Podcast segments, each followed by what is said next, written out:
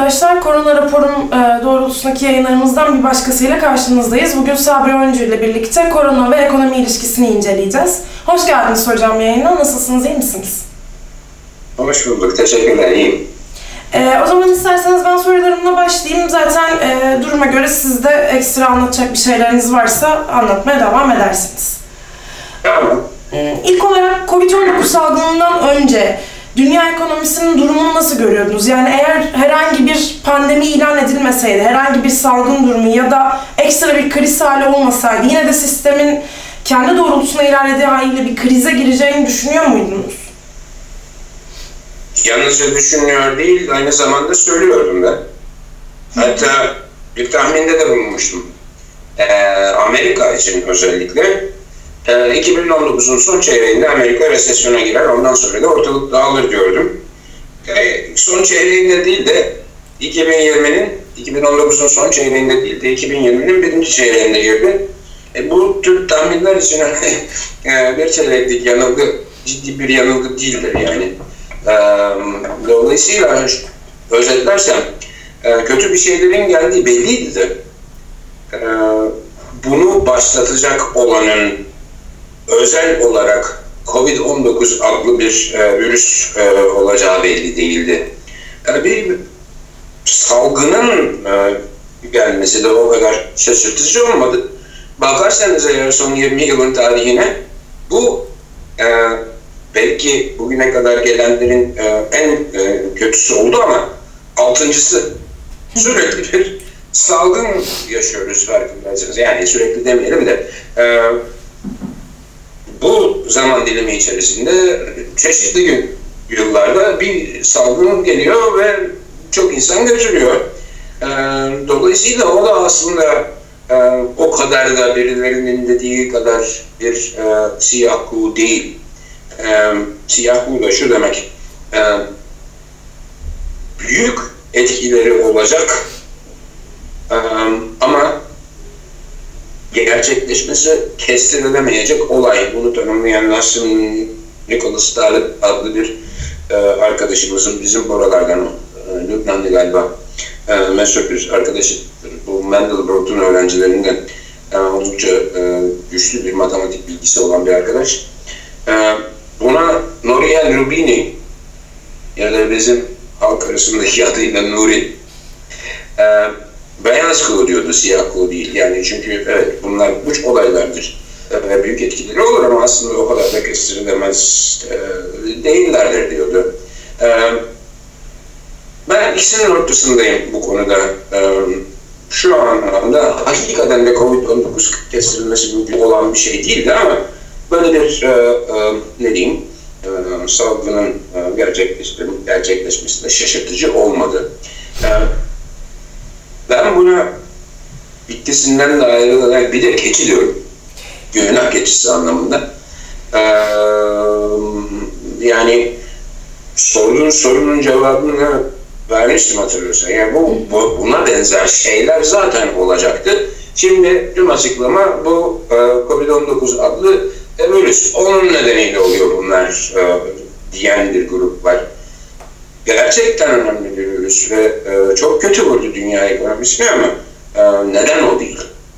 Yani başka koşullarda olsaydı e, dünya ekonomisi e, böyle bir virüsün bu büyüklükte bir e, etki yaratması olasılığı biraz daha düşük olacaktı. E, şimdi işin arkasındaki temel nedenleri bir kenara bırakalım. Görünen neden e, ki yıllardır söylemekte olduğum bir şey e, çok bir borç yükünün altına girmiş olması dünyanın. E, borçlar o, o kadar büyüdü ki e, bu Uluslararası Finans Enstitüsü denilen enstitü sürekli yayınlar. Son yayınında dünyadaki borç durumunu yani son yayınında gördüğüm kadarıyla 255 trilyon dolara çıktı dünyadaki toplam borç. E, dünya gayri safi e, hasılası da aşağı yukarı 80-85 trilyon civarında çok büyük bir borç yükü. Bu borçlar ödenemeyecekti zaten.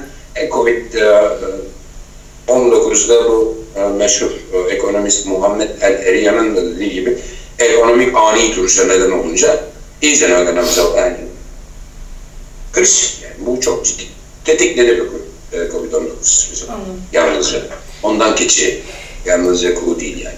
Teşekkürler. Ee, ikinci bir sorum şu olacak. Fed'in ya da diğer merkez bankalarının aldığı önlemlerin etkisi ne olur ve yani bunlar ne kadar uzun soluklu olur sizce? Çünkü sürekli olarak bir e, önlem paketi yayınlanıyor. Bu sadece merkez bankalar Fed anlamında değil, ülkeler de aynı zamanda kendi önlem paketlerini yayınlıyorlar ama bunun süresi sizce aşağı yukarı ne olur? Beklenildiği kadar uzun bir süreyi idare edecek durumda mı? Ee, beklenildiği kadar uzun süreden e, ne kastettiğine bakar. Anladığım kadarıyla şimdilerde 3 ay falan var kafada. E, Yani 3 ay durumu kurtarırsak sonra arkasından inşallah e, maşallah şeklinde bir söylem e, izliyoruz. Hatta bazıları tamam artık bu Fed geldi, bir tek Fed değil. E, Japon Merkez Bankası var, Avrupa Merkez Bankası var, ne bileyim İngiltere Merkez Bankası var, İsviçre Merkez Bankası var. Bunlar dünyanın önemli büyük merkez bankaları. Büyük alımlara geçtiler. Fed anladığım kadarıyla sınırsız bir e, parasal genişlemeye gidiyor. İki şey yapacak anladığım kadarıyla. Bir miktarsal genişleme, ikincisi de bir kredi genişlemesi. Ne demek bunlar? E, miktarsal genişlemede de hazine bonoları alacaklar. Amerikan hazinesine bonoları. Miktarsal genişlemede de özel finansal varlıklar alacaklar. E, bu bunların e, fiyatlarındaki düşüşlerin bir miktar önüne geçecek büyük olasılıkla. E, ama e, sıkıntı e, finansal değil bu sefer. E, mesela 2008'deki sık- sıkıntı finans sektöründen çıkmıştı. Gene borsalar ödenemez hale gelmişti. Özellikle Amerika'daki e, e, ev borsaları piyasasında. Şimdi gene geliyorlar ama bu sefer sıkıntı reel ekonomiden kaynaklı. Çok büyük borçların altına girdi reel ekonomi şirketleri ve bir sürü ülkede de hane halkları. Ee, ve e, böyle bir ekonomik ani duruşta o zaten ödenmesi çok zor olan borçları bir anda ödenemez hale getirdi.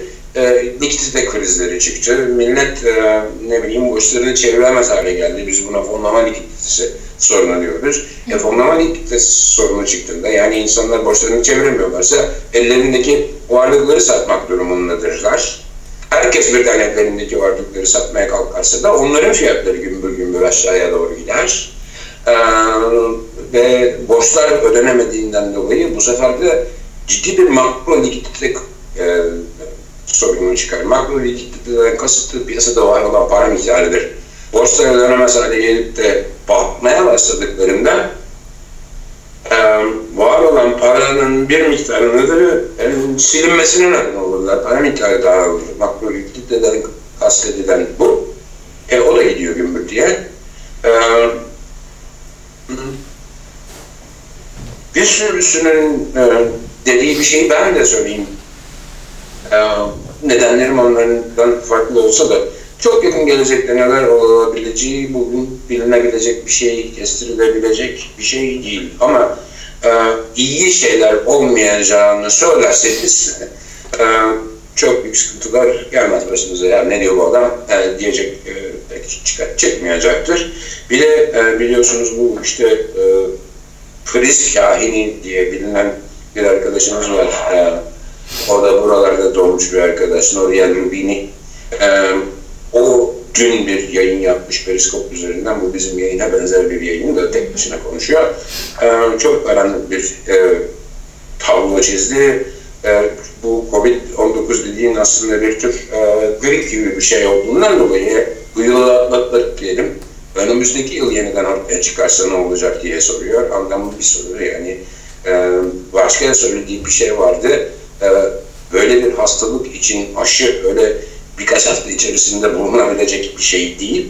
E, henüz hastalığı hafifletici e, güvenilir bir ilaç da ortalığa e, çıkmış durumda değil. Yani e, bu ekonomik ani duruş daha ne kadar sürer bu konuda e, çok fazla bir şey söylemek e, değil.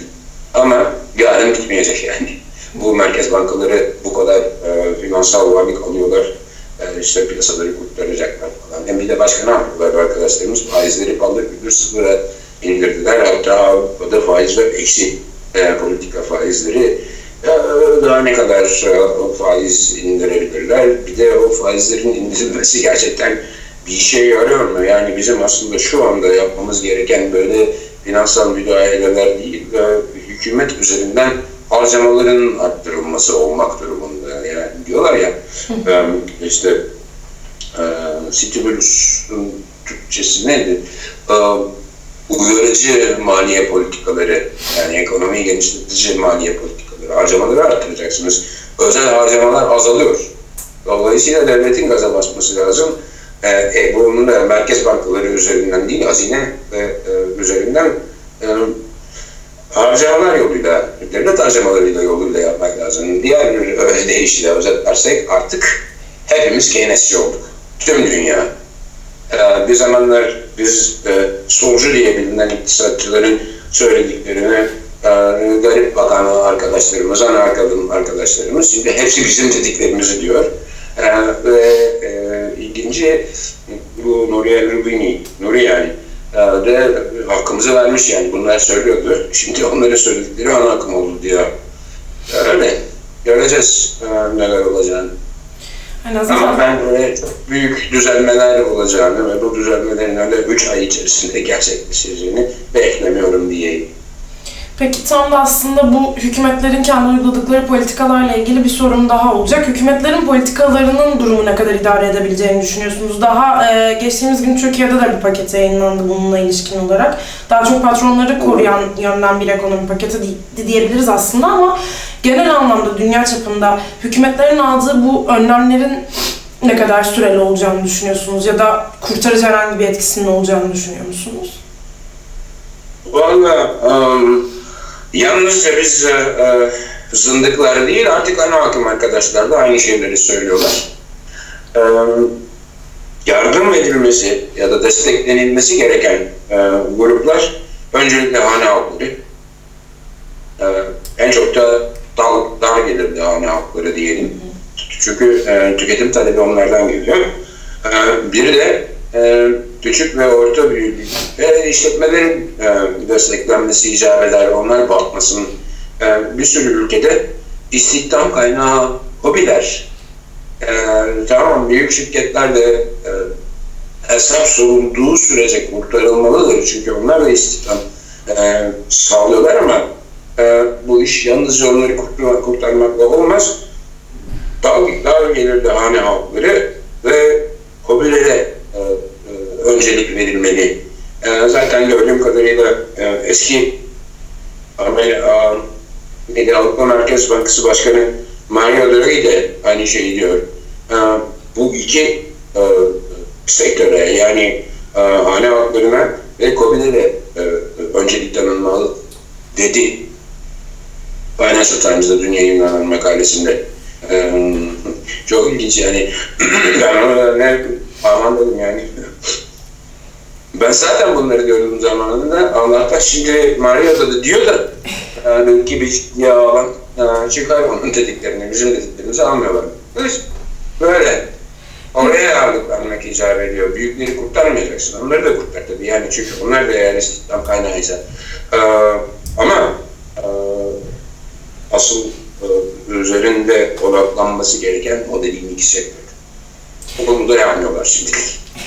Bakalım daha önümüzde çok uzun zaman var gibi görünüyor ama e, aslında bu uzun da süreceği belli oldu. Yani hemen önümüzdeki ay ya da önümüzdeki iki ay içerisinde bitecek bir süreç değil. Peki bu süreç bu şekilde belli bir müddet daha devam ettiği süre boyunca Fed'in ve diğer bahsettiğimiz merkez, dünya merkez bankalarının herhangi bir atacak adımı kaldı mı? Yani böyle bir şeyden bahsedebilir miyiz? Sürdürecekler benim gördüğüm kadarıyla. Ee, Daha fazla faiz indirecek yerleri yok. İndirecekleri kadar indirdiler. Hatta bir sürü yerde artık eksi faizler. Ee, bu parasal genişlemeler. Yani hükümet borçları ve özel borçlar ve hisseleri olarak da onların fiyatlarını bir süre belki e, istikrarlı bir hale getirmeleri söz konusu olabilir ama e, ekonomik ani duruş yani e, hane halkları ve e, istihdam kaynağı olan kobileri nasıl kurtaracaklar? Evet sanırım. Sırf maliyet para politikalarıyla bu iş olmaz. E, henüz orada e, çok e, önemli atım, adımlar atılmış durumda değil. İnşallah e, atılır. E, bunun dışında da e, ani kurtardıktan bir süre sonra o ödenmeyecek borçların da önemli bir kısmının e, silinmeye başlanmasında yarar görüyorum. E, mesela İkinci Dünya Savaşı'nın sonunda Almanya'da böyle çok büyük bir borç silimi oldu. E, hem ülke içerisindeki, Almanya içerisindeki, Almanya derken Batı Almanya'dan söz ediyorum. Doğu Almanya Sovyetler Birliği'yle gitmişti zaten. E, Batı Almanya'da da işgalciler belli. Yani İngiltere, Amerika ve Fransa onlar böyle bir para e, reformu yaptılar. O yaptıkları para reformunun içerisinde devlet borçları da dahil olmak üzere. Zaten devlet borçlarının dahil. Yani Nazilerin borçlarının hepsini sildiler. Sıfır yani hiçbir borcu kalmadı ama borçsuz bir devlet. E, e, özel borçların da yüzde doksanını sil ne halkı ve özel şirketler sektörüyle başlıyorlar. Bir bu. İkincisi Almanya'nın yani Batı Almanya'nın e, 1953'te Londra borç anlaşmasıyla dış borçlarının yaklaşık yüzde 51'ini sildiler. Yalnız o kadar borcu silmekle kalmadılar. Ödemelerini de Almanya'nın ekonomik performansına bağladılar. E, Almanya'nın dış geliri olmadığı yıllarda dış borç ödemeleri yapması gerekmiyordu dış geliri olduğu yıllarda da o dış gelirinin yüzde üçü kadar e, ödeme yapması gerekiyordu. Yani bana da böyle bir iyilik yapsalar e, ben de ekonomik şey e, ne deniyor ona? Miracle'ın Türkçesi? Neyin Türkçesi? E, miracle. Mucize. Aha ekonomik mucize. Yani beni bu memleketin başına e, ne bileyim başbakan, cumhurbaşkanı yapın. Bu kolaylaştırmaları da sağlayayım. Bakın ben size ne mucizeler yaratırım. Ama işte e, o borçları silmezlerse e, kimsenin mucize yaratabileceği gibi bir durum yok. Bakın az değil. Özel borçların, ülke içerisindeki özel borçların yüzde doksanını siliyorlar. Devlet borçlarının yüzde yüzünü siliyorlar. Çok ciddi Nasıl bunlar diye. Ve o savaş koşullarında. Hey, e, Mario Draghi dünkü yazısında da bugün içinde bulunduğumuz koşullar da savaş koşullarıdır. E, olan dışı önlemler alınmalıdır diyor. Ben de öyle diyorum. Bu olan dışı önlemler arasında en önemlilerinden bir tanesi de dediğim gibi e, büyük oranlarda e, boş e, aflarıdır. Hem özel sektörün hem de devletlerin özellikle de düşük ve orta gelirli e, gelişmekte olan ülkelerin biz bu arkadaşlarımızı borç ödeyin diye zorlarsak milyarlarca insanın ölümüne neden olacağız. Ee, inşallah burada başka şeyler yapılır ama yani yalnızca bu borçların e, silinmesiyle bu işin içerisinden çıkılabilecek e, gibi durmuyor. Niye bu borçlar bu kadar büyük birikiyor? O soruyu da edeceğim. Yani düşünüp e, e, o sorunu ortadan kaldırmak için de başka önlemler alınması icap eder de yani bu kadarlık bir konuşmada şimdi oralara girmeyelim. Peki aslında bu sorunun sonuna doğru şimdi soracağım soruyu da bir miktar cevaplamış oldunuz ama bu e, salgın hali sonlandıktan sonra ya da en azından alınan önlemler biraz daha aza indirgendikten sonra ekonominin düzeleceği yönünde bir şey söylemek mümkün mü ya da toparlanabilecek durumda olacak mı? Ne yapıldığına bağlı. Ee, bunu demek için de illa ne bileyim solcu falan olmak e, icap etmiyor, gerekmiyor. Noria Rubini de öyle diyor.